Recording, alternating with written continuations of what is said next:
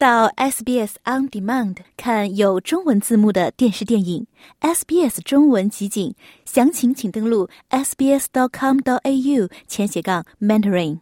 哈斯蒂马苏米曾将位于悉尼的 Little Bay 形容为天堂，直到二零二二年一月三十一号，因为他的生活被那里的海彻底改变了。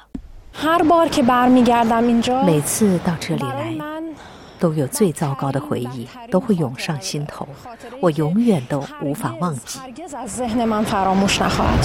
那是学校假期的最后一天。哈斯蒂和丈夫还有他十岁的儿子来到海边，想要体验一把岩钓的快乐。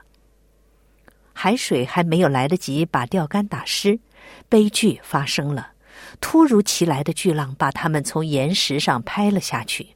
一开始我什么都没听见，当时我也不知道发生了什么。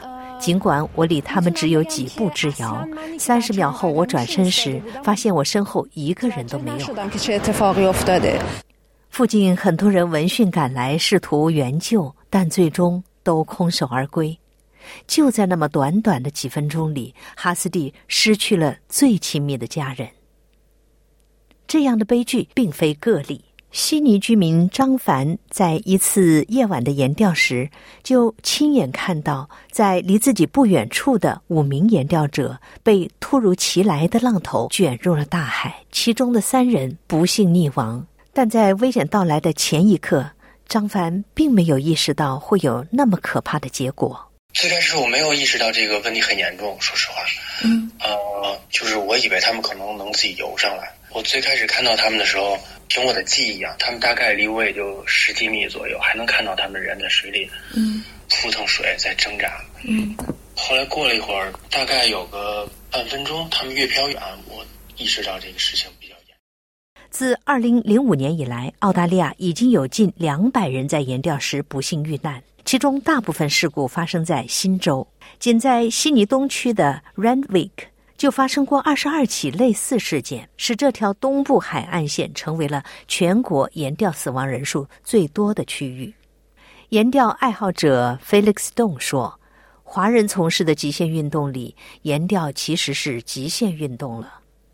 华人从事的这些极限运动里面，岩钓肯定算是，其实算是极限运动之一了。”但是大家可能对这个钓鱼总是有一种国内台钓的感觉，感觉可能戴一个草帽，然后坐在那儿坐一天不动那种。出现问题的大家都是不太懂的初学者，所以说他会觉得比较 peaceful。Felix 表示，最为重要的是要在出发盐钓前做好一切的准备工作。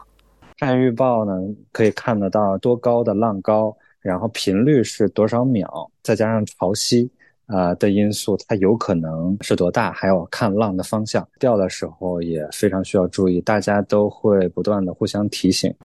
根据盐钓安全法，在 Ranwick 市议会范围内的海滩进行盐钓时，必须穿戴救生衣。但这一规定并不是全国性的要求，甚至还不是全州的统一标准。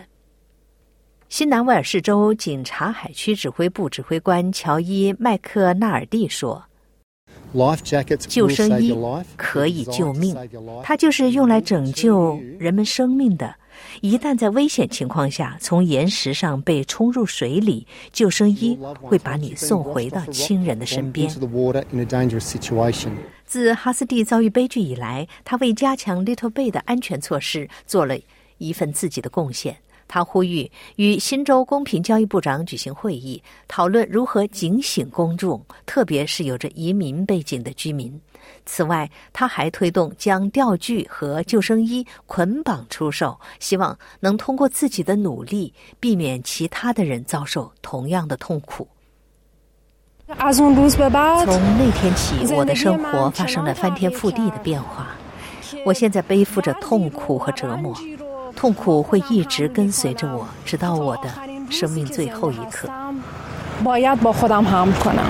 Felix 表示，在大自然面前，人人都要保持一颗敬畏之心。了解澳洲，融入澳洲，欢迎登录 sbs 点 com 点 au 前斜杠 language 前斜杠 mandarin，获取更多澳大利亚新闻和资讯。